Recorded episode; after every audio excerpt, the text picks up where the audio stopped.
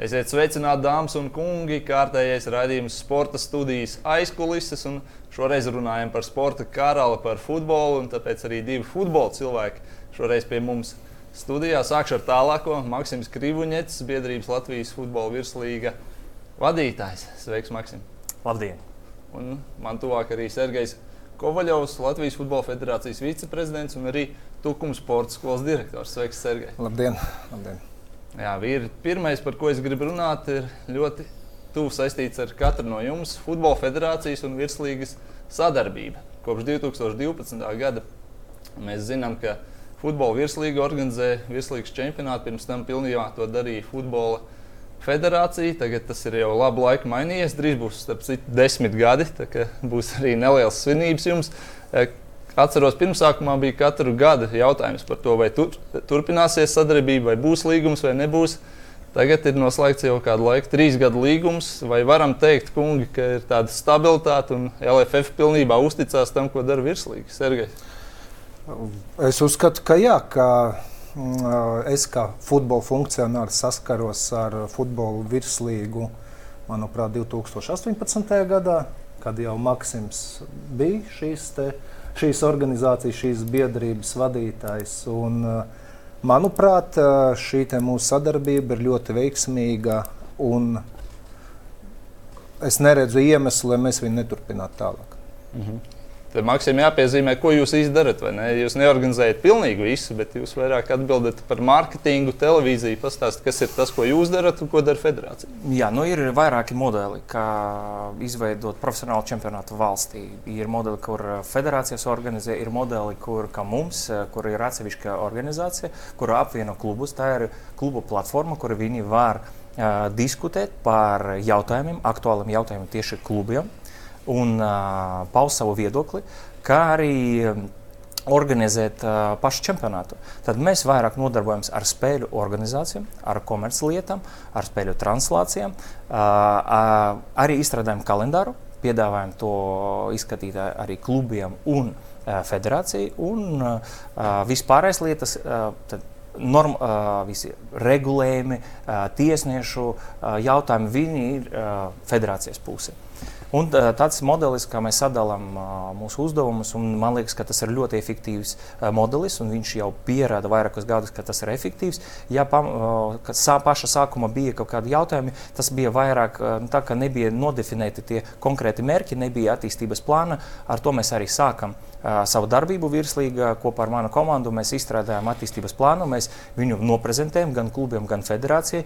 Un, es domāju, ka tagad nav nekādu jautājumu. Mēs turpinām sadarboties ļoti efektīvi. Īsumā var teikt, tas jūsu darbības lokus ir komerciāls virziens. Kā pārdot, kā ietērpt šo produktu? Viena no svarīgākajām daļām. Jo, lai virslīga eksistētu kā atsevišķa organizācija, viņai jāizveido budžetu. Mēs neesam organizācija, kura, kura ir dotācijas no kaut kādām organizācijām. No mums palīdz, ir. Mums palīdz federācija. Uh, un vienmēr to darīja. Uh, tomēr tas sastāvdaļa, tā ir viens no mūsu uzdevumiem, lai federācija mums uh, nepalīdzētu, lai mēs būtu kā atsevišķa organizācija un arī pašam, pašam nodrošināt čempionāta rīkošanu. Un šodien es teikšu, ka federācijas sastāvdaļa ir zemāk nekā 5%, man liekas, jau šogad bija 4%. Bet ir vairākas citas sadarbības punkti kur ir vairāk svarīgāk, svarīgāk nekā nauda vai dotācijas. Un uh, viena no mūsu galvenajiem mērķiem ir atrast uh, un nodrošināt čempionu rīkošanu. Un, uh, četru gadu laikā, pirms četriem gadiem, es uh, uh, vienā intervijā teicu, ka mūsu galvenais mērķis ir kļūt par labāko un stiprāko līgu uh, Baltijā gan, gan Latvijā, gan Baltijā. Protams, bija vairāki, tur simts arī citu dažu mērķu, bija, bet šodien es varu apgalvot, tā arī ir. Mēs esam numur viens Latvijā pēc vairākiem radījumiem. Es varu pat teikt, ka visiem radītājiem un arī komerclietām simtprocentīgi. Tad nav citas līgas. Par Baltiju var diskutēt, bet, protams, ir sadarbības modeli, piemēram, Igaunija organizē čempionātu federācija. Man grūti spriest par situāciju līga, kā, kādu līdzekli tērēt uz līgu. Es varu spriest par Lietuvas līgu, un Lietuvas līga arī šo četru gadu laikā nevarēja nodrošināt čempionātu rīkošanu, un federācija saka, rīko čempionātu palīdzēt. Mēs esam stabila organizācija, un es ļoti, ļoti pozitīvi skatos uz nākamo ciklu. Trīs, pieciem gadiem es esmu pārliecināts, ka mums sagaida ļoti labas pozitīvas ziņas. Par to mēs stāstīsim katra gada sākumā. Mhm. Sergei, kā tu skaties no federācijas skatu punkta par turpinājumu? Ja tas trīs gadu līgums drīz beigsies, vai ne? Viens Viņš beigsies, es, es, manuprāt, šo līgumu vajadzēs pagarināt. Un, zini, kā, ka, kāpēc jālauž to, kas labi strādā? Uh, virslīga, kā biedrība un kā organizators, viņi pierādīja, ka viņi var to izdarīt, ka viņi var to izdarīt kvalitatīvi. Mūsu kā federācijas pārstāvjiem, manuprāt, ir jāpalīdz šai biedrībai turpināt uh, attīstīt mūsu sporta veidu un līdz ar to arī attīstīt to virsotni mūsu futbolā, kas ir šobrīd virslīga. Simtprocentīgi varu tikai piebilst, ka arī tagad mēs sākam arī kopējus projektus, piemēram, VAR tehnoloģija ieviešana virslīga, sadarbojoties ar federāciju. Pirmkārt, ar federācijas projekts, bet mēs arī esam darba grupā, runājam par šo iespēju, skatāmies par tehniskiem risinājumiem un, un plānojam budžetu, vai tas ir iespējams ieviest jau nākamā gada, varbūt testa režīma kaut kādas spēles, bet 23. gada, lai nodrošinātu mm, vienu vai divas spēles kārtā ar vārdu tehnoloģiju. Jā, Sergei, cik tuvu mēs esam tam, ka var varētu būt Latvija. Mēs esam, spēlēs, tas ir bijis. Mēs esam ļoti tuvu tam. Tieši prezide, federācijas prezidents paņem to zem teiksim, tā, savas kontrolas, cenšas to bīdīt, virzīt uz priekšu. Es domāju, ka nākamā gada jau mēs kaut kādās atsevišķās spēlēs varēsim izmantot šo te varu sistēmu. Zini, tas ir jautājums tikai, tikai naudas jautājums. Nu, tas ir līdzekļu jautājums, bet tā kā federācija gan virslīgi ir vairākas, vairāki uzdevumi, tad jāprioritizē, kuri tie uzdevumi šodien jāizdara un kurus mēs darīsim rīt. Es domāju, ka vāra ir aktuāla ne, ne problēma, bet jautājums. Ir. Tas ir jautājums, jo katru gadu ir tas kļūdas jebkura līgā. Jā, jebkura līga pasaulē, tāpēc tas arī ir nepieciešams vars uh, tehnoloģijas. Un es domāju, ka ir diezgan reāli, ka tas īstenosies uh, nākamajā vai aiznākamajā sezonā. -hmm. Jā, liela tēma, pie kuras es gribu pārlikt gan straujiem soļiem. Leģionāra limits 2019. gads. Strauji tiek viss mainīts. Iepriekš bija tāds, ka pa vienam ārzemju spēlētājiem palielinām šo limitu. Katru gadu, tad tajā brīdī viss tika izmainīts. Uzreiz pārējām pie 8 plus 3. Tas nozīmē, ka vienlaicīgi laukumā drīkst atrasties astoņi ārzemju futbolisti. Tur bija daudz diskusiju. Galu galā federācijas valde 6 pret 4 lēma atbalstīt šo virslīgu. Arī savā iekšēnē veids balsojumu atbalstīt to. Federācijā 4 bija pret. Sergejs bija viens no tiem, kas balsoja toreiz pret. Kā jūs šobrīd skatāties uz šo lēmumu, kāds laiks jau ir pagājis, vai tas ir attaisnojies, ka pareizi izdarījāt toreiz, vai tomēr bija jāpaliek pie šīs pakāpeniskās pārējas? Kā jūs tagad domājat? Matīs, es, eh, ne tikai valde pieņēma šo lēmumu, bet arī kongress apstiprināja šo. Ja? Pēc tam, Pēc tam apstiprināja kongress. Jā, es balsoju pret, jo uh, tajā laikā bija izstrādāta tie soļi, izstrādāti soļi, kā mēs ejam uz priekšu ar šiem leģionāriem. Ja? Un, manuprāt, jau šogad, ja mēs sekotu tiem soļiem, mēs šogad spēlējam 7-4. Ja? Nu, 2001. gadā bija jau 7-4 būtu. Ja? Bet tajā laikā tur varbūt pat ne tik daudz tie leģionāri bija, bet uh, visas tādas cīņas blakus futbolam, ap futbolu. Ja? Un, uh, kā jau teicu, kongresā mēs dzīvojam demokratiskā valstī. Kongress mūsu biedri atbalstīja šo limitu paaugstināšanu vai pazemināšanu, no kuras puses skaties. Ja? Mēs dzīvojam šajā, šajā limitā, ar šo limitu. Manuprāt, viņš nes arī savu labumu. Mums vairs nav tādi, tādas vietas komandās, kuras jāizpild tikai tāpēc, ka tu esi vietējais spēlētājs, ja, ka tev tiešām jāpierāda tagad uh, mūsu virsotnē, virslīgā, tev jāpierāda to, ka tu esi uh, konkurētspējīgs ar pārējiem leģionāriem, ar pārējiem futbolistiem, un tam jaunam vai vietējam futbolistam vairāk nav nu, tādas stabilas vietas. Viņam, kā normālā tirgu, viņam katru dienu jāpierāda to, ka viņš ir spējīgs tur spēlēt. Un uh, šobrīd jau parāda tā mūsu praksa, ka, jā, ka tie spēlētāji, kuri spēlē virslīgā, viņi ir kvalitatīvi futbolisti tie, kur cīnās par savu vietu klubos. Ja? To var redzēt gan Valmjerā, gan Rīgas uh, futbolistos. Tie, kas, uh, un pēc tam tie futbolisti pārstāv mūsu nacionālo izlasi uh, pasaules arēnā. Mm. Nu. Maksim, no šī skatu punkta skaidrs, tas ir arī tas, ko jūs gribējāt. Jā, esmu Lai ļoti, kvalitāte pieaug. Jā, esmu ļoti priecīgs, ka šīs lēmums uh, tika pieņemts. Es domāju, ka cilvēki, kuri varbūt bija arī skeptiski, viņi tagad uh, skatās mazliet citādi. Es ceru, ka tā arī ir. Bet nepareizi, ka mēs runājam ka, tikai par legionāra līmeņa maiņu.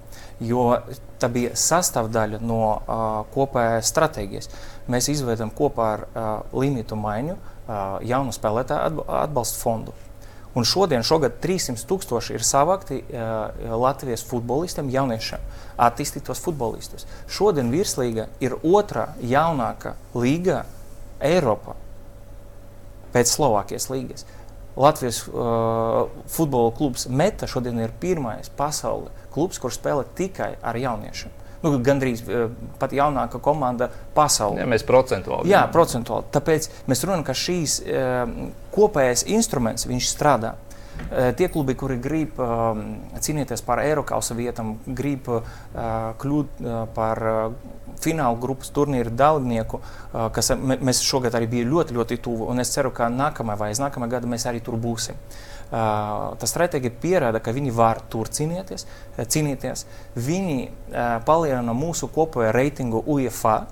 Tas arī dod mums vairāk solidaritātes, naudas jauniešu un infrastruktūrā attīstībai. Un jaunieši ir iespēja spēlēt uh, dabūt tos spēļu laiku, virslīga, un kas pats svarīgākais, katru gadu mūsu klubi pārdod spēlētājus ārzemēs par 700, 800 tūkstošiem. Tas pierāda, ka Latvijas futbola virslīga ir kvalitatīva profesionāla platforma uh, sportistiem, futbolistiem.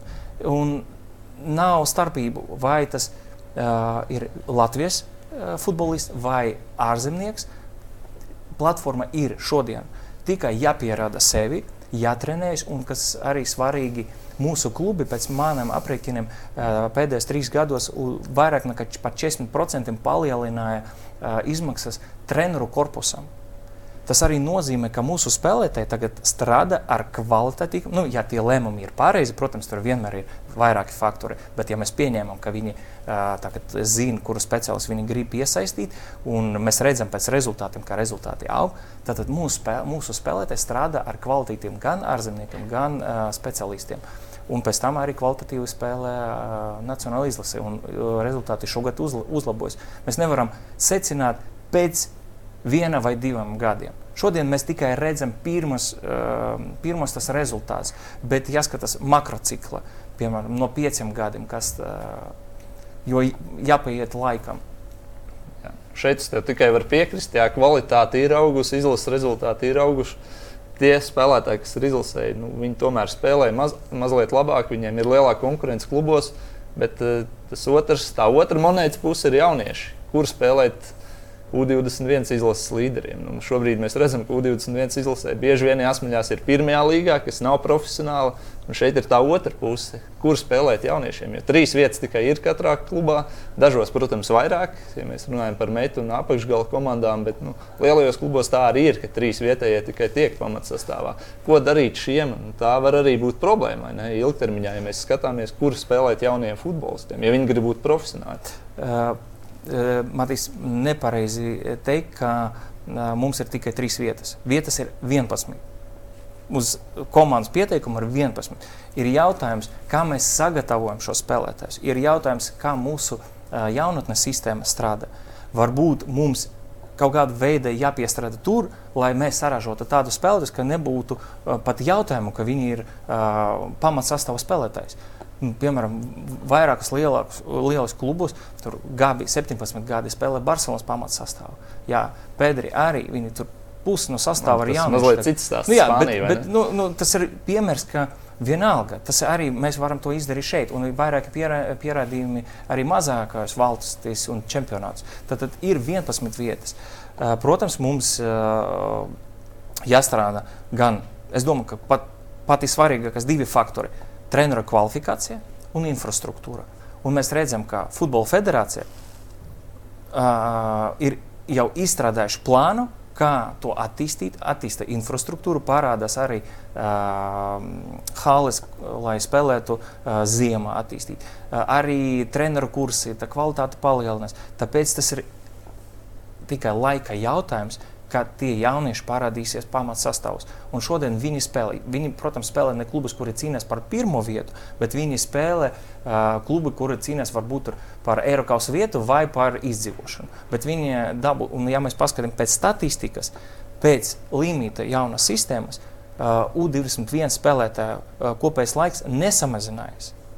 Viņš palika pat mazliet uh, vairāk minūšu dabu tieši tāpēc, ka mēs motivējam klubus, citus klubus, kuri grib izvēlēties spēlēt arī Latvijas jauniešiem, viņi to var darīt un saņemt atbalstu. Jā, Sergei, vai federācijā nav bažas par to, ka nu, tās vietas ir tik, cik ir? Skaidrs, ka var būt arī visi 11 latvieši, bet kur mēs es, redzam, dabā tā nenotiek. Kur es varu piekrist Maksimam, ka tiešām ir 11 vietas un tev ir iespēja cīnīties, lai izcīnītu šo vietu. Neviens tev vairs negarantē. Tev ir jāparāda, ka tu esi labākais, ka tu labāks esi par šo leģionāru, uh, un tev vieta būs. Uh, arī otra daļa šim jautājumam, ka ir klubi, kuri tieši izmanto šos jauniešus, attīst šos jauniešus, meta Daugaupils. Valmiera tāpat. Ja? Tur daudz jauniešu spēlē. Krolis, Matrevits, Jaunzems. Ja? Nu, tie jaunie mūsu futbolisti, kuri attīstās, eh, arī treniņu procesā viņi piedalās ar konkurētspējīgiem futbolistiem, ar augstā līmeņa futbolistiem. Līdz ar to viņi arī aug. Un, nu, tā ir dzīve. Viņam ir jāizcīna savu vietu zem saules. Viņam neviens nav viņu garantējis. Ko saka U17, U19, U21 nu, izlases treneri? Pirmkārt, pirmkārt, es gribētu apsveikt visu mūsu futbola sabiedrību ar U17 panākumu, par elitu raundu, par šīs komandas cīņas paru, ko viņi parādīja vakar spēlē pret Zviedriju. Paldies klubiem, paldies vecākiem, šo futbolistu, paldies treneru korpusam par šo sasniegumu. Un, tātad arī šīs virziens rāda to, ka mēs esam pareizā virzienā. Un treneru korpus principā ir tieši tas pats, kas strādā ar nacionālo izlasi, tas pats treneru korpus strādā ar U17. Ja, rezultāti ir. Vai treneris nesaka, ka mums ir par maz izvēles? Treneris vienmēr to teiks tas nebūs nekad, ka ir mm, pārprodukts. Ja? Atnāks viens treneris, pateiks, ziniet, ko jums neviena futbolista nav, ko jūs 50 bumbotais atvedāt, jums nav futbolists, jūs neprotat trenēt, bet uh, paldies vien mums visiem, ka mums ir tādi treneri, kuri no esošā materiāla prot izveidot konkurētspējīgas komandas un attīstīt šos jaunos futbolistus. Es, es tikai varu piebilst, es piekrītu Sergejam. Un, uh, Tas vienmēr būs starpība starp nacionālās izlases treneru un kluba treneru. Ja tas pats treneris strādās kluba, viņš un jūs pajautāsiet, kuru spēlētājs jūs gribat, piemēram, uh, ārzemes vai latviešu, viņš pateiks, man vienalga, man vajag konkurētspējīgu spēlētāju. Un, ja mums ir tie konkurētspējīgi spēlētāji, tad mēs varam nodrošināt labus rezultātus. Ja mums nav, tad mums tirgu jāpalielina, jo mēs nevaram būt Eh, konservatīvi, jo visa pasaulē tas notiek. Un tas nozīmē, ja mēs būsim superkonservatīvi, mēs atpaliksim vēl vairāk no citiem. Jo futbola, uh, futbola industrija ir ļoti dinamiska. Un ko es vēl gribu pateikt, ka uh, ir mums tādas, tādi plāni, uh, vairāk uzmanības pievērst pirmajai līgai, kur arī jābūt kvalitatīva platformai, īpaši jaunie, jaunu spēlētāju sagatavošanai. Šodien, kā es teicu, mēs jau piestrādājam labi virslīga, un mēs labprāt arī palīdzēsim federācijai uh, izveidot kopējus projektus, lai visu sacensību struktūru tā būtu vertikāla struktūra un nav, nebūtu tā, ka virslīga ir kaut kāda atsevišķa organizācija atdalīta no visas kopējas struktūras. Nē, mēs esam pašā augšā, tā piramīda, bet uh, otrais un trešais pat posms ir ļoti, ļoti svarīgi uh, jauniešu futbol, futbolistu izveidē. Es tieši gribēju pirmajai līgai pieskarties. Kā panākt to, ka tā kļūst kvalitatīvāka, profesionālāka? Jo skaidrs, ka lielākā daļa tie jaunie futbolisti nonāks pirmajā līgā visticamāk. Kādi ir tie mehānismi, kā padarīt to spēcīgāku, profesionālāku galvenokārt? Zini, kā man tas pats esmu spēlējis savu laiku, arī pirmajā līgā izgāju visus šos etapus. Ja, man, nu, es varu salīdzināt šodienas pirmo līgu ar to, kāda viņa bija nu, 4-5 gadu atpakaļ. Šobrīd viņa palikusi daudz spēcīgāka. Daudz spēcīgāk. Šī pirmā līga un vienmēr ir trīs, četras komandas, kuras cīnās par iekļūšanu virslīgā. Ja?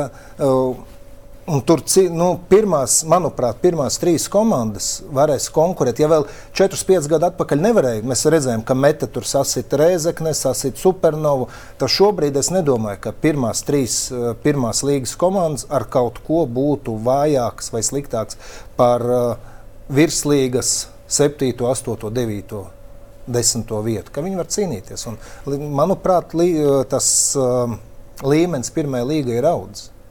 Un, kas svarīgi, tagad pirmās līgas klubi cīnās par vietu virslīga, jo tāpat, ja viņi spēlēs virslīga un viņi attīstīs savus vietējos futbolistus no savas uh, jaunatnes sistēmas, viņi var pieļaut kļūdas. Viņi var izkrist no virslīgas. Nesaņemt to, ja mēs spēlēsim ar desmit komandu, tad astoto vai septīto.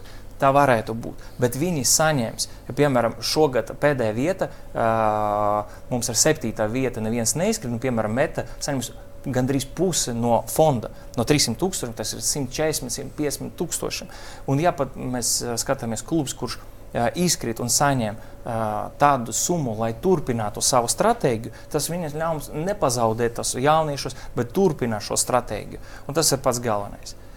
Tā šodien stabilitāte un, protams, organizācijas līmenis viņš izaugs. Un, uh, mums ir vīzija, kā to arī palīdzēt uh, no virslīgas puses piestrādāt. Varbūt vienu punktu atklājot, kā, ko jūs redzat, kā padarīt to pirmo līniju no, labāk. Nu, pirmkārt, viss atkarīgs no līdzekļiem. Tas ir saprotami, cik līdzekļu tu investē, kādu tu izveido motivācijas struktūru klubiem attīstīties. Pareizi. Un, mēs šodien virslīgā jūtamies stabilāk. Mēs, redzam, mēs zinām, kā mēs to izdarījām. Un mēs, labi, protams, ne visu to var izdarīt pirmā līga, jo mēs esam uh, top līga. Un top līga ir uh, vieglāk kaut kur jā, atrast partnerus un, un uh, komercializēt mūsu produktu, bet to arī jāmāk izdarīt. Uh, un mēs, uh, ir tas plāns, ka mēs palīdzēsim to izdarīt arī pirmā līga. Un tas saistība būtu, tā saikne ar virslīgu būtu, būs vēl tuvāk. Mm -hmm. Jā. Viena lieta, kas ļoti ar šo ir saistīta, ir leģionāra maksas. Tur arī viss kaut kas ir mainījies. Iepriekš bija par pirmajiem astoņiem spēlētājiem tūkstoši, un tad par katru nākamo tur arī tās summas pieaug, kas klubam par katru reģistrēto ārzemju futbolistu. Latvijā nesagatavot futbolu, precīzāk sakot, bija jāpiemaksā šajā kopējā katlā. Nu, tad tagad tas jaunais plāns, kas jau ir apstiprināts arī valdē, ir daudz brutālāks - 3000 par pirmajiem astoņiem spēlētājiem. Pēc tam tās summas vēl krietni pieaug. Kā jūs uz šo jautājumu skatāties? Cik tas bija negaidīti un kāpēc Futbola federācijas valdē tas tomēr izgāja cauri un tika apstiprināts. Sergei, pastāstiet no savas skatu punkta, kā jūs tas, tas, tas, tas viss, viss, protams, ir saistīts ar šo leģionāru limitu. Ja? Un, ja mēs runājam par leģionāru maksu palielināšanu, jāsaprot to, ka šai naudai, manuprāt, viņai ir jāpaliek virslīgā. Un tikko pieskarās Maksims, ka šie klubi, kuri attīstīs mūsu vietējos jaunos futbolistus virslīgas uh, sistēmā, viņi arī saņem šo leģionāru naudu.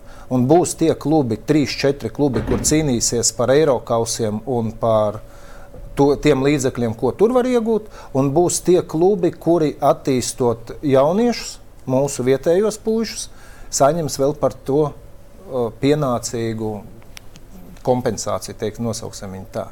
Ja, bet, ja mēs runājam par leģionāru maksu, manuprāt, viņai visai ir jāpaliek virslīgā. Un, uh, jauno futbolistu attīstību, varu sistēmas ieviešanas. Uh, šī līga nopelna naudu, un lai šī nauda arī paliek tur, bet mēs viņu izmantojam tā, lai šī nauda strādātu mūsu uh, jauniešu, mūsu futbolistu labā. Tas viss ir labi, bet vai tā summa tomēr nav par traku, vai lielie klubi vispār to varēs atļauties? Es varu atbildēt. Jā.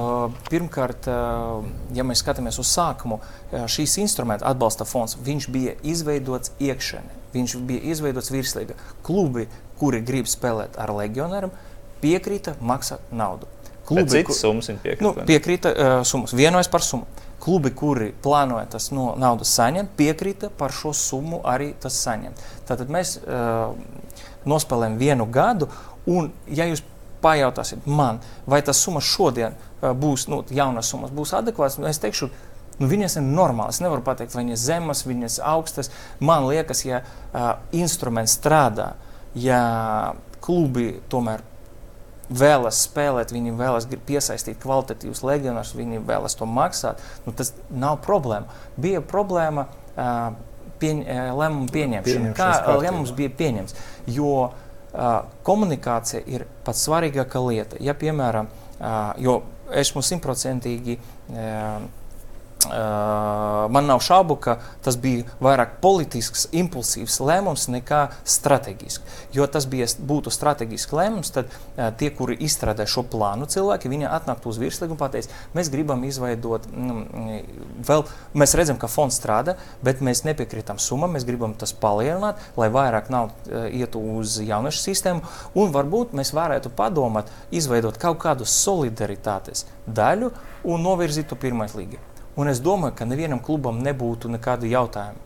Tad, Bet šāda saruna nebija. Ne? Tāda sarunas nebija. Bija tikai viena prezentācija, un uzreiz lēmums. Nu, ne lēmums, bet pirmais mēģinājums pieņemt lēmumu uzreiz, bez analīzes. Esmu tā stila, ka es nevaru pieņemt lēmumus, ja nav stratēģijas, ja man nepaskaidro, kāpēc, kā tas strādās, kādi mērķi ir, jo pēc tam mēs varam paskatīties un pateikt, vai mēs sasniedzam mērķus, vai mēs nesasniedzam. Ja mēs nesasniedzam, tad mums kaut kas jāmaina vai atgriezt pie iepriekšējās sistēmas. Ja mēs sasniedzam, tad mēs vai nu turpinām šo sistēmu. Nu, jautājums komunikācija un analīze. Ko mēs darām, kāpēc. Bet es piekrītu, ka šodien tas instruments strādā un nav jautājums par summām, jautājums par kā tas tie lēmumi ir pieņemti. Jā, bet sākumā bija ļoti liela pretestība no virslīgas. Uzreiz bija skaļi paziņojumi, kāpēc tas lēmums Sergei, jums iekšēnē bija tik pēkšņs.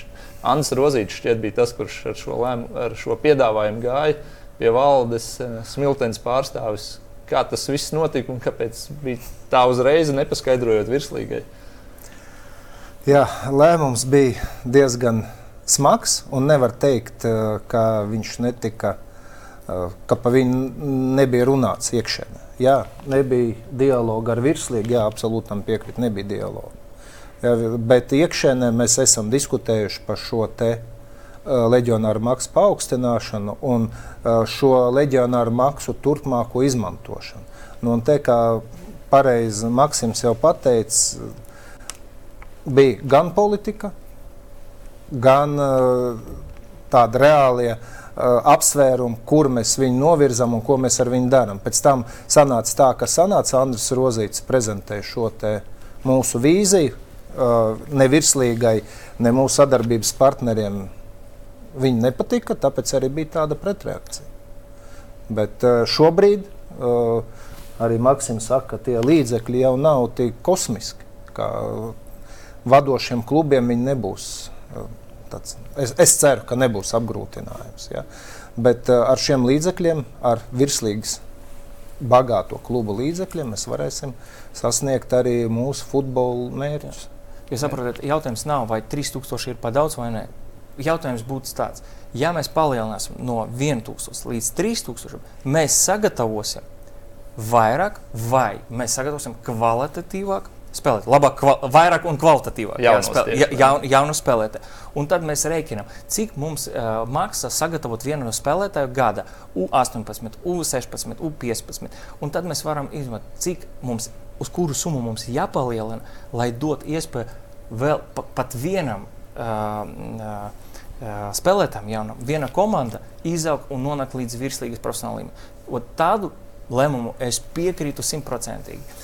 Šeit nebija tāda lēmuma, tad bija vairāk impulsīvs, un tāpēc bija strīds, un joprojām tas sadalījums nav pieņemts, bet es domāju, ka mēs normāli izdiskutēsim, varam izdiskutēt, kā to sadalīt, jo nu, tā daža. Tas, tā ir normāla praksa, ka ir, nu, mēs domājam mazliet citādi, ja strateģiski varbūt kaut kāds jautājums. Tas uh, būs simts uh, punktu, kur mēs domājam, vienādi, būtu būt, piemēram, divi, kur mēs nedomājam nepareizi, bet bija diezgan asi, jā, bet izdiskutējām visu kārtībā. Un... Jā, nu sākumā tajā virslīgas paziņojumā pretreakcijā bija arī interešu konflikta pār, pārmešana, ka valdē ir jā, četri cilvēki, kas saistīti ar pirmo līgu. Nu, tad tā... varbūt arī bija doma, ka tā nauda tiks lobēta pirmās līgas klubiem, ne tikai virslīgas klubiem. Kā jūs šo atrisinājāt vai diskutējāt savā starpā? Jūs saprotat, šobrīd vēl nav lēmums pieņemts kur šī nauda paliks? Tas saka, virslīgā jāpaliek. Es pateikšu tā par šo te pirmo līgu sadalījumu. Nav jāskatās pirmā līga, jāskatās uz to spēlētāju. Ja mēs atrodam kopsaucējus ar virslīgas klubiem, ka mēs ar, šie, ar šiem līdzekļiem varam atbalstīt jaunus futbolistus, un varbūt viņš otrā līgā spēlē. Jā, bet mēs redzam, ka viņš ir potenciāli uh, spēcīgs futbolists eh, nākotnē, un mēs varam viņu atbalstīt. Sarunas ceļā ar virslīgas klubiem mēs varam to panākt. Bet ne tā, ka tu 70% virslīgai, 30% pirmajai līgai, ja, un ot, ar tiem procenti, tos procentus arī dalām. Nu, tā nav pareiza pieeja, un te es eh, piekrītu Maksimam, ka jābūt tam mērķim, un, mēs, un tam mērķim jābūt sasniedzamam un taustamam. Un tad mēs varēsim saprast, ir sasniegts vai nav sasniegts. Jā, šo kāda šobrīd ir situācija? Vai ir skaidrs, kur šie līdzekļi nokļūs un kāds sadalījums varētu izskatīties? Šobrīd es tev nevarēšu atbildēt uz šo jautājumu. Jā, mēs diskutējam iekšēnē, kā tas var notikties. Mēs diskutēsim ar virslīgas klubiem, mēs diskutēsim ar virslīgu, ar virslīgas pārstāvjiem. Es esmu pārliecināts, ka mēs atradīsim kopsaucējus un abas puses būs apmierināts ar šo, apmierināts ar šo lēmumu. Jā, kā jūs kopumā reaģējat uz to ziņu, ka nu, tas interešu konflikts varbūt tur bija iespēja tādam pastāvēt? Zini, ka, protams, ka viņš varēja pastāvēt, bet uh, tur de jebko varēja pievilkt klāt. Jā, ir pārstāvs uh, pirmās līgas Kovaļovs, Eņģelis, uh, Andris Rozīts, kurš mums bija ceturtais no pirmās līgas. Neatceros. bet, nu, uh, ne, tajā laikā, kad tika pieņemts lēmums par leģionāru maksu paaugstināšanu, es vismaz neesmu domājis, ka tas, tā nauda aizies pirmai līgai, un man no tā vai manai organizācijai būs kaut kāds labums. Absolūti nē. Mhm. Jā, Maksim, tu arī biji noteikti viens no tiem, kas sastādīja to to relīzi, kas tika arī mēdījiem izsūtīts. Tieši tur varētu pastāvēt tas pirmās līgas interešu konflikts. Jā, vai, vai tu redzi, ka tas tomēr tā nebija? Uh, nu, es domāju, ka tā uh, bija. Nu, ne visiem, es neteicu, ka visiem. Es domāju, ka, kā jau iepriekš teicu, tas bija politisks lēmums. Un tāpēc mana bija tāda reakcija diezgan agresīva, jo uh, tas nebija strateģiskais, izdomāts vai izanalizēts lēmums. Un man tas nepatīk, jo mēs strādājam, mēs pierādījām, ka mēs strādājam kvalitatīvi, un mēs paši to piedāvājam, izstrādājam šo instrumentu, kurš strādā. Kāpēc tagad visu jālauž, jāpieņem lēmumu un pēc tam jāsadala, uh, nerunājot ar klubiem? Protams, tas, kad skārš manas organizācijas un manu klubu intereses, es, es respektēju viņu darbu un es cīnīšos un cīnīšos agresīvi, ja tas ir nepieciešams. Un es domāju, jebkurš tā darītu, uh, normāls vadītājs, kurš nu, respektē savas komandas darbu un, un, un savu organizāciju. Tāpēc es neredzu šeit, es neteikšu, ka tas liels tur, jā, problēmas un konfliktus. Tā bija, jo nebija atbildes uh, no mūsu iekšējā komunikācija. Tāpēc Dažreiz tas sanāk, ka tas arī nonāk publiskajā telpā, tad sākas kaut kādas kustības, tad sākas diskusijas, un, un jautājums galu galā var atrisināts. Tas ir tikai viens no instrumentiem, tā, nu, tā tas strādā pasaulē. Ja? Tāpēc, bet es, es domāju, es nu, cienu darbu, kuru dara uh, gan Sergejs un viņu komanda, un es domāju, ka viņš to arī, nu, viņš arī to teica, ko mēs darām. Tāpēc šeit nav kaut kāds uh, personāls vai interešu konflikts. Es, es tikai pēc likuma. Ja es lasu, es redzu, valde ir pārstāvi no pirmās līgas uh, komandas. Šeit ir naudas jautājums, un sadalījums nav tā, ka mēs sadalīsim naudu klubiem, kuri jau pierādīja, ka viņi var sagatavot vai nacionālas izlases, vai izlases spēlētājs, vai virslīgas spēlētājs. Uh, jautājums bija sadalīt klubiem. Pirmās līgas. Kāpēc virslīga jāfinansē klubiem, kuriem pat nav interesu attīstīt jauniešu sistēmu? Viņi, nu, piemēram, tur var būt klubi, kuri ir pusprofesionāli. Jā, pirmā līga, kuriem nu, patīk futbols, viņi nodarbojas, un ir labi, ka mūsu tāda kluba ir. Bet tas naudu tērēšana nav efektīva. Un mums nav tik daudz līdzekļu. Jā, mums ir līdzekļi, bet mums ļoti uh, uh, gudri, ja? gudri jā, jā, jādomā, kā to sadalīt. Tāpēc, jā. Bet pēc tam tā diskusija sākās. Es saprotu, jūs sarunājāties savā starpā, un nu, tas, tas viss vēl ir procesā, vai ne? Jā, kā to naudu tērēt. Bez sarunas nekas nenotiek. Un labākais veids, kā atrisināt problēmas, tās ir sarunas. Un te, tā galvenā problēma jau arī bija, ka pirms lēmuma pieņemšanas nebija šīs sarunas, diskusijas, apspriešanas ar tieši ar tiem cilvēkiem, ar, ar tiem klubiem, kuri nu, principā ir donori. Jā, tie, viņi dod to naudu. Jā, viņi visciešāk ir iesaistīti. Ar viņiem ir jārunā, vai ne? Jā, nu, cerams, ka turpmāk tās sarunas notiks un atrisināsiet šo jautājumu. Tomēr simtprocentīgi pārliecināts, ka tā tas notiks. Jā, mēs pieņemam to ar Sergeju, lai mēs, mēs šodien atrisinām. Bet, diemžēl, ne visa. Tas nav tik sarežģīti. Ne visiem sanāk kopā. Daudz cilvēku ir iesaistīti un uh, mēs. Uh, nepārstāvam organizāciju atsevišķi. Ja? Mums ir uh, organi, mums ir valde, ir klubi, ir uh, federācijas biedri. Un, nu, tā ir sarežģīta sistēma. Mhm. Labi, no mūsu puses mēs jums novēlam biežāk sēsties Jā. pie viena galda vai vismaz vienā tālruņa e, konferencē, vienā Zoom konferencē un atrisināt šos jautājumus. Bet es vēl šodien gribu parunāt arī par virslīgas attīstību. E, Maksims jau ir izteicies, ka, kad tu sāki kopā ar Raināru Dakšu un Kārlu Dārznieku citiem kopā strādāt, tad jums bija trīs finanšu iegūs avoti, trīs avoti, no kuriem jūs ieguvāt finanšu līdzekļus. Tagad jau tie virslīgā ir seši.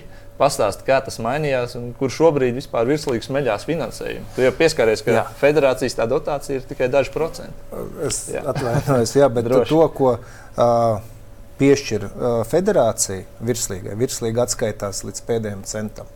Tur, tur Jums ir pilnīgi viss, skaidrs, ja? mums šobrīd mums ir pilnīgi skaidrs, kur tiek izlietot mūsu piešķirtā nauda virslīgai. Mm -hmm. Jā, Maksim, kas ir pārējie pieci avoti? Jā, tas ir vispār atskaites. Mums ir ļoti viegli izdarīt, jo mēs varam izprintēt mūsu bankas atskaites, jo mums ir tikai bezskaidras naudas uh, transferi un, un viss. Un jebkurš mūsu biedrs, jebkurš uh, federācijas valdes pārstāvis var to, to nu, paskatīties, un, un, un nav nekāda problēma ar to.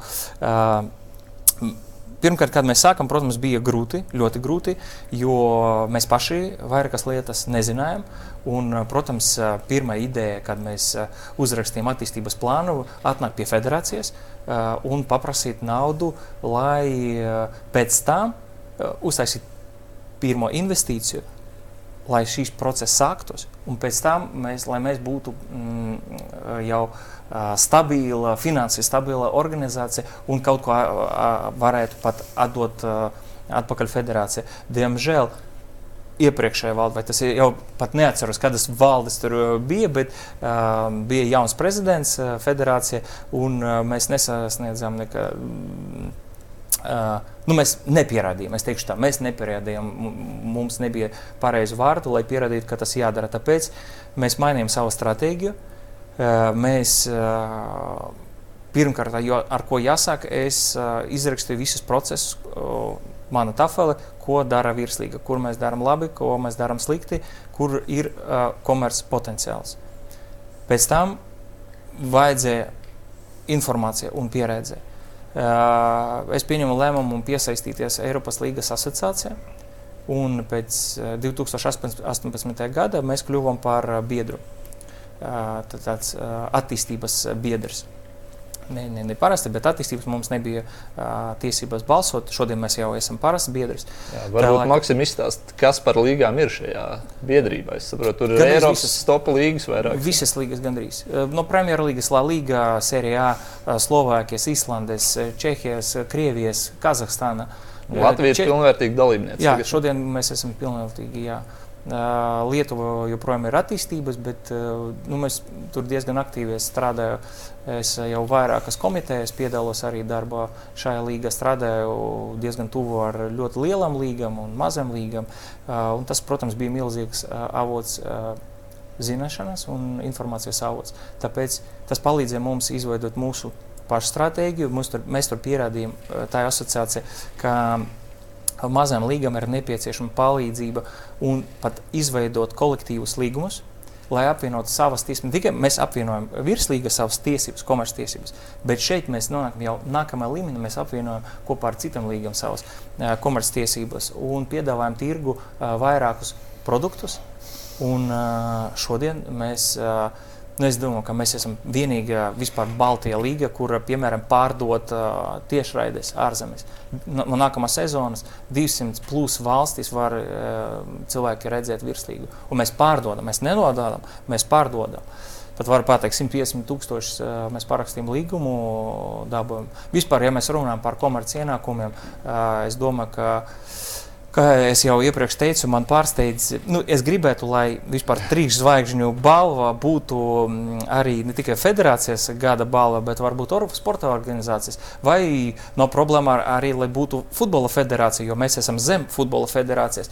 Tajā sarakstā, jo man liekas, ka. Mm, kā organizācija strādā, viņus jānovērtē. Nevis tā, ka sportisti nospēlē, jo tur ir sportistu, treneru uh, balvas. Bet, ja mēs skatāmies, kā organizācija strādā, uh, ko mēs sasniedzam, piemēram, Latvijas futbola virslīga atnesa Latvijas futbolam 1,3 miljonu eiro.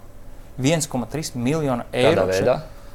ar komerci, visu komerci ienākumiem. Mm -hmm. Visu komerci ienākumi, tas nozīmē, ka šo naudu tie uzņēmumi varēja noterēt uh, kaut kur citur.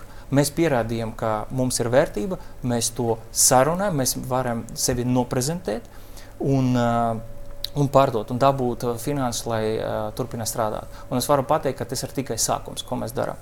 Tāpēc uh, mēs jūtamies stabili. Un, uh, es domāju, ka nevienā citā līgā, ne basketbolā, ne hokeja, ar visu manu uh, cieņu pret visam citam sporta veidiem, bet man gribētos, lai cilvēki zinātu to.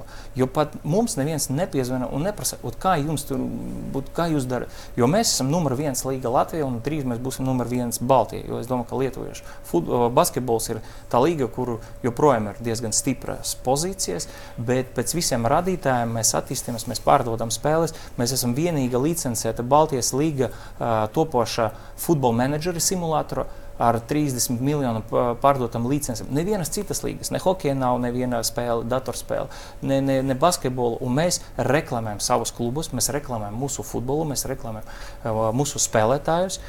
Un, uh, Mēs saražojam šogad 112 spēles, nākamgad tas būs 180 spēles. Visas spēles saražotas uh, par brīvu radītas vietējiem līdzjutējiem. Uh, augsta kvalitātes, man liekas, komunikācija arī, uh, jo Paulis Jākelis kopā ar Karlu Dārznieku kvalitatīvi strādā un uh, komunicē ar mūsu līdzjutējiem, ar klubiem, visi ir sāražot. Fantasy līga, neviena cita līga futbola nav ja, Baltijas, nezinu par citiem sporta veidiem. Tad šo sarakstu es varu turpināt diezgan uh, ilgi, uh, jo ir vairākas lietas, ko mēs. Maks, tu sāc ar trīzvaigžņu balvu.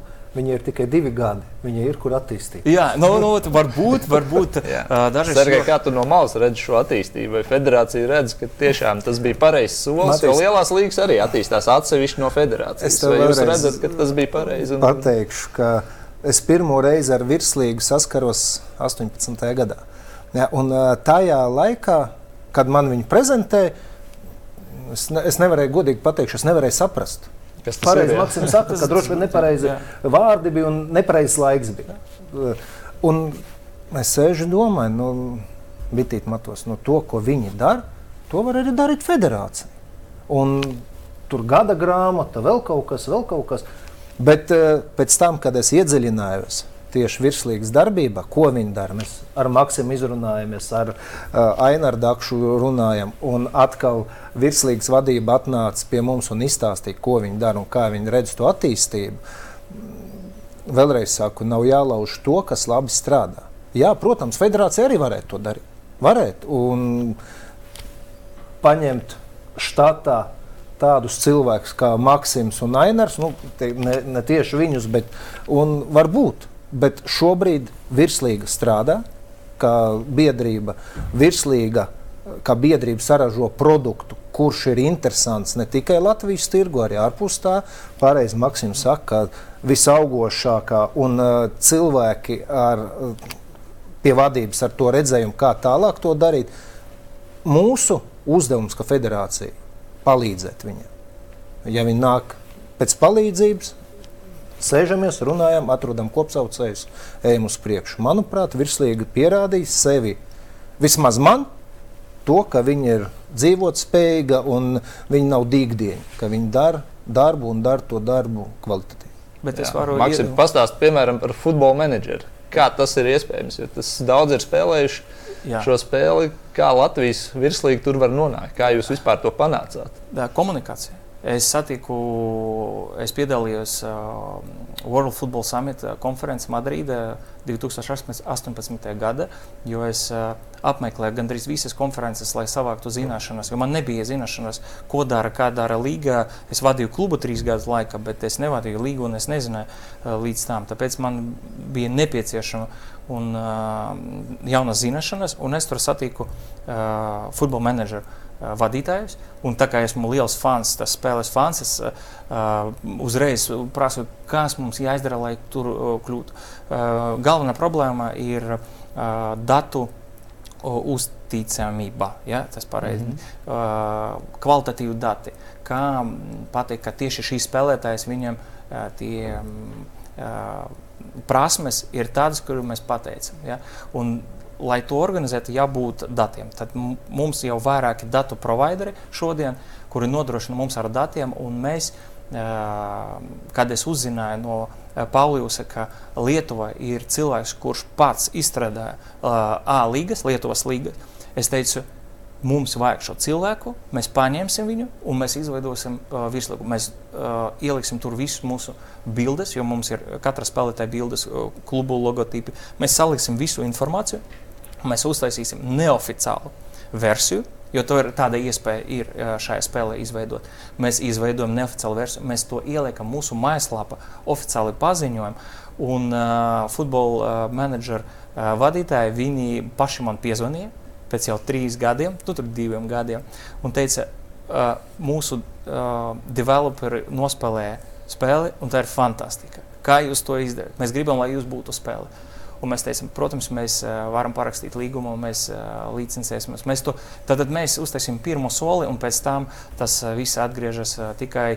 Nu, jāstrādā, nu, tā kā mēs esam paši spēles fani. Tad mums bija super viegli, mēs paši bijām ieinteresēti, lai to izveidotu. Tagad mēs redzam reakciju.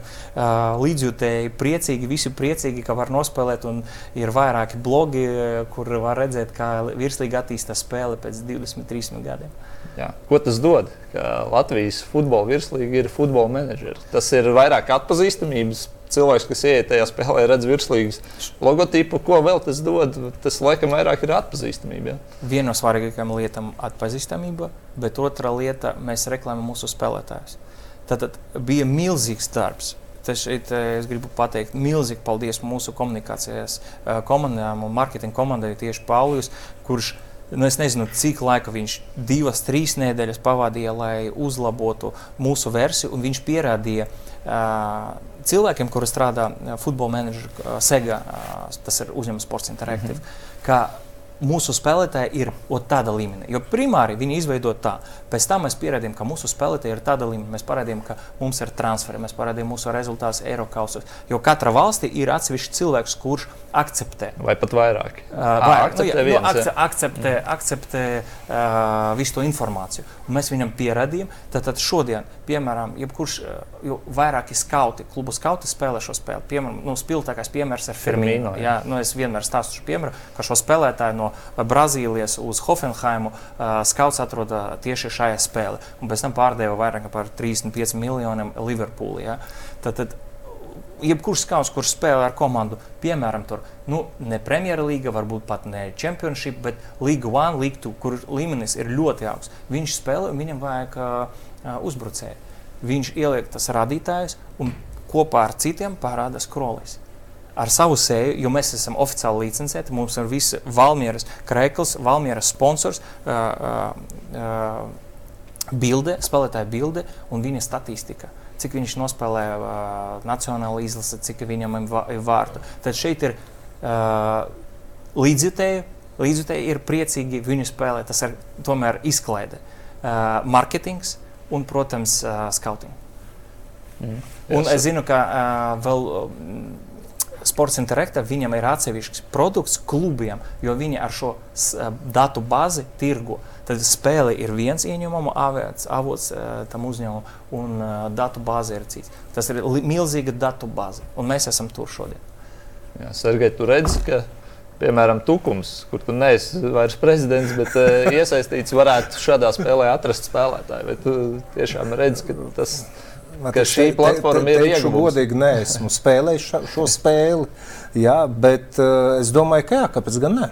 Kāpēc gan, ja ir šāda iespēja, ir šāda platforma, protams.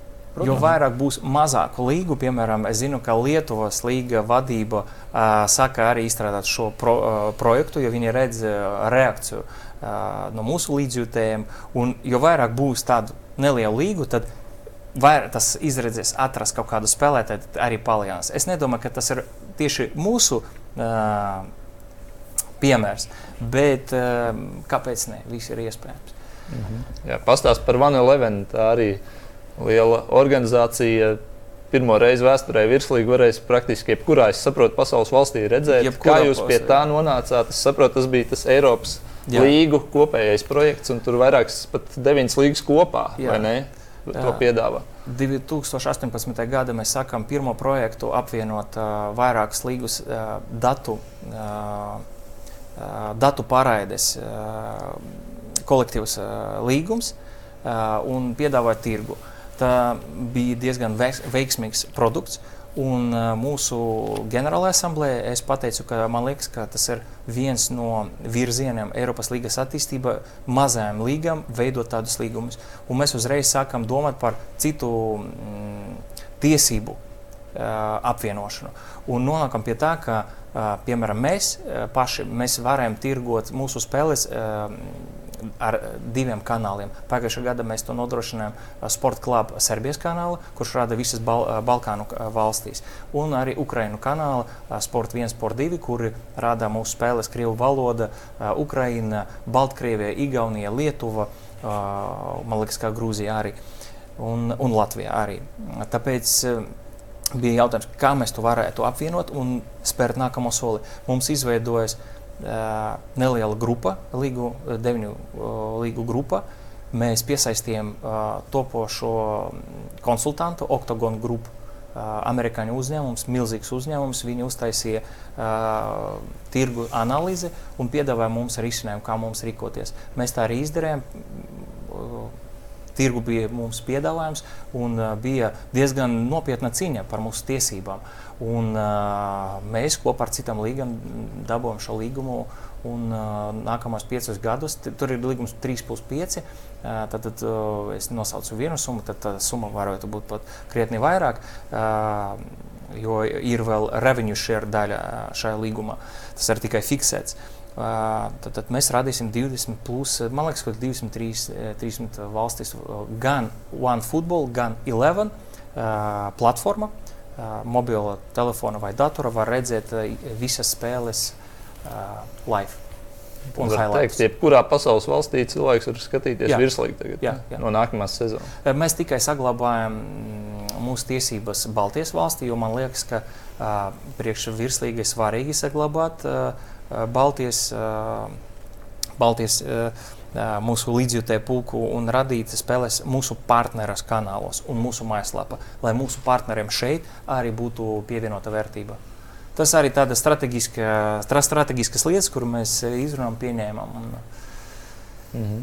Vēl viena lieta, kas strauji attīstās fantāzijā, ja, kas ir lielajās līgās, daudz Premjerlīgā un citās Eiropas līgās to spēlē.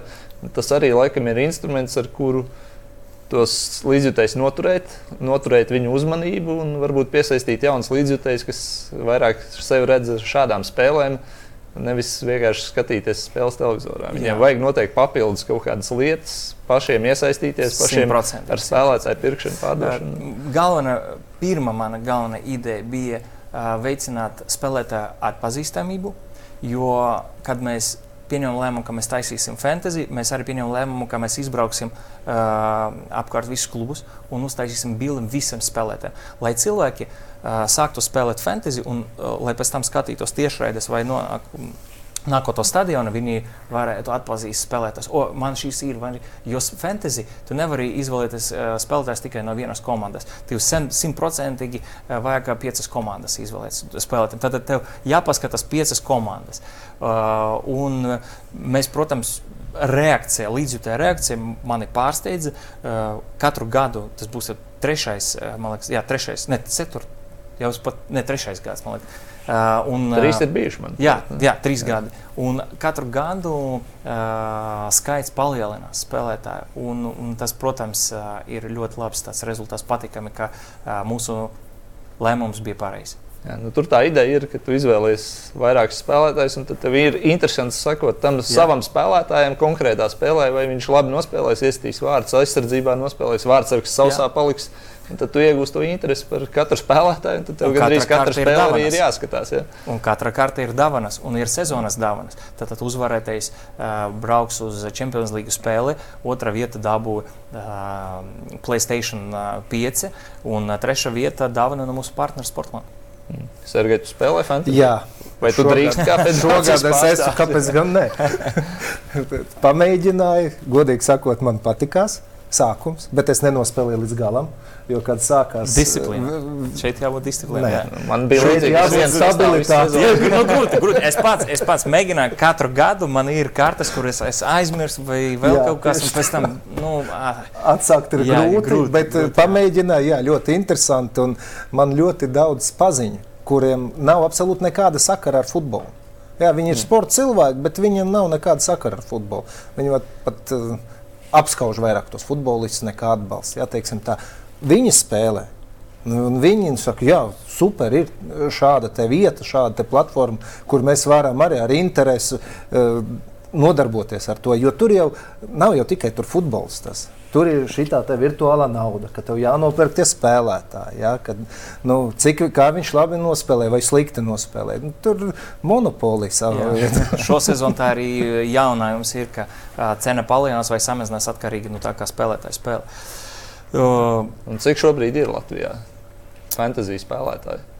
Tur, tur komandu ap 2000 komandu. Un tie ir 2000 cilvēki, kas saka, nu, varbūt vai ir vairāk komandas vienam cilvēkam, varbūt, bet, uh, bet es nezinu par to ciparu, kā mēs pabeidzam sezonu. Uh, jo es atceros ciparus, kad mēs sākām spēlēt. Uh, Un, un, un, un jāpaskatās visas uh, ciparu sezonas beigas. Mēs tikai uh, sākam apvienot un, un gatavot uh, nākamo attīstības plānu, jo vēl mums vajag divas, trīs nedēļas parakstīt pēdējos līgumus uh, mūsu jaunajam ciklam, lai nodrošinātu darbu, un pēc tam mēs varēsim attīstības plānu rakstīt uz nākamo ciklu. Bet uh, ko es vēl gribēju uh, piebilst uh, visam tam, ko mēs pateicam uh, šodien, ka, protams, uh, vienmēr cilvēki baidās runāt par savām mm, sasniegumiem, jo tas varētu izklausīties augstprātīgi, un, bet man gribētos vairākas reizes arī pateikt, ka, nu, ko mēs sasniedzam, lai cilvēki zinātu, lai būtu, varbūt viņi novērtētu, ka Latvijas vietējais futbols ir diezgan augsta līmenī, jo mēs to dažreiz pat nevaram saprast. Jā, mums nav tik daudz cilvēku uh, stadionos, un es domāju, ka šogad mēs uh, tas viens no mērķiem piestrādāt cilvēku, uh, lai cilvēki nāktu uz stadionu vairāk, ja, protams, nebūs nekādas. Uh, citu faktoru, kā pandēmija vai arī ierobežojumi nebūs.